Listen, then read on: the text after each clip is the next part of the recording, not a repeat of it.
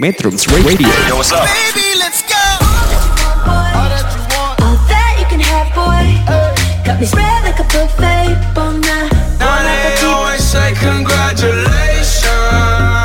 Come on, strip that down for me. I'm on my way.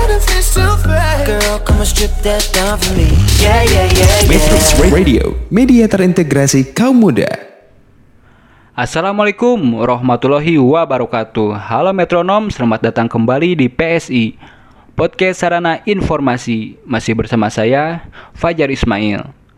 Pada episode kelima kali ini, saya akan kembali mengajak metronom semua untuk belajar bahasa Sunda.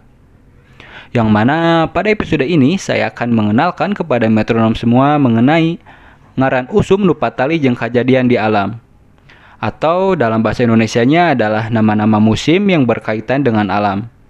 Kalau dalam bahasa Indonesia ada dua nama atau sebutan untuk pergantian musim seperti musim kemarau dan musim penghujan. Namun dalam bahasa Sunda terdapat lima nama dalam pergantian musim. Yang pertama ada usum halodo. Usum halodo artinya kemarau. Usum halodo atau kemarau ini diperkirakan berlangsung pada bulan April hingga bulan Agustus. Namun, seperti yang kita ketahui, perubahan musim pada akhir-akhir ini sangat sulit untuk diprediksi. Keadaan alam pada musim halodo ini biasanya udaranya panas, tanah mulai mengering, dan debit air sungai pun mulai berkurang.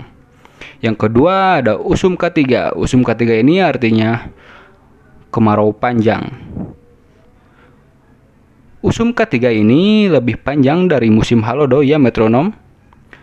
Untuk ciri-ciri keadaan alam pada usum ketiga ini adalah yang pasti keadaan alam lebih parah dari kemarau biasanya seperti rumput-rumput kering, tanah-tanah pecah, dan banyak debu hingga mata air pun mulai mengering.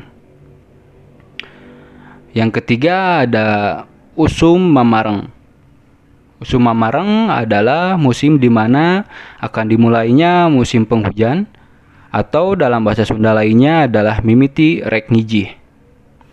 Yang keempat ada ngiji. Usum ngiji artinya musim hujan.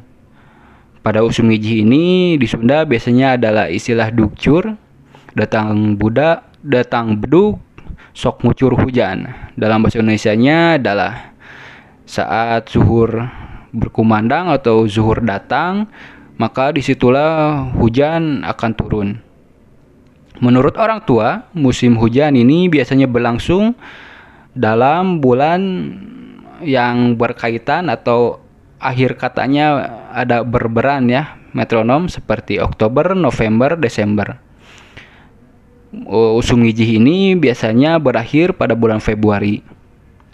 Keadaan pada musim ngiji ini biasanya terjadi longsor, banjir di jalan, tanah, dan halaman rumah becek. Dan tanaman dan tanaman juga biasanya kalau diguyur hujan terus-menerus terkadang susah untuk dipanen. Dan yang terakhir ada dang darat atau mamareng adalah penyelang antara musim hujan dan musim kemarau. Yaps metronom saya cukupkan untuk pertemuan pada saat ini. Semoga apa yang sudah saya sampaikan menjadi manfaat bagi metronom semua. Sekian dari saya, mohon maaf bila ada salah-salah kata. Fajar Ismail pamit. Akhir kata, wassalamualaikum warahmatullahi wabarakatuh. Metrums Radio. Media terintegrasi kaum muda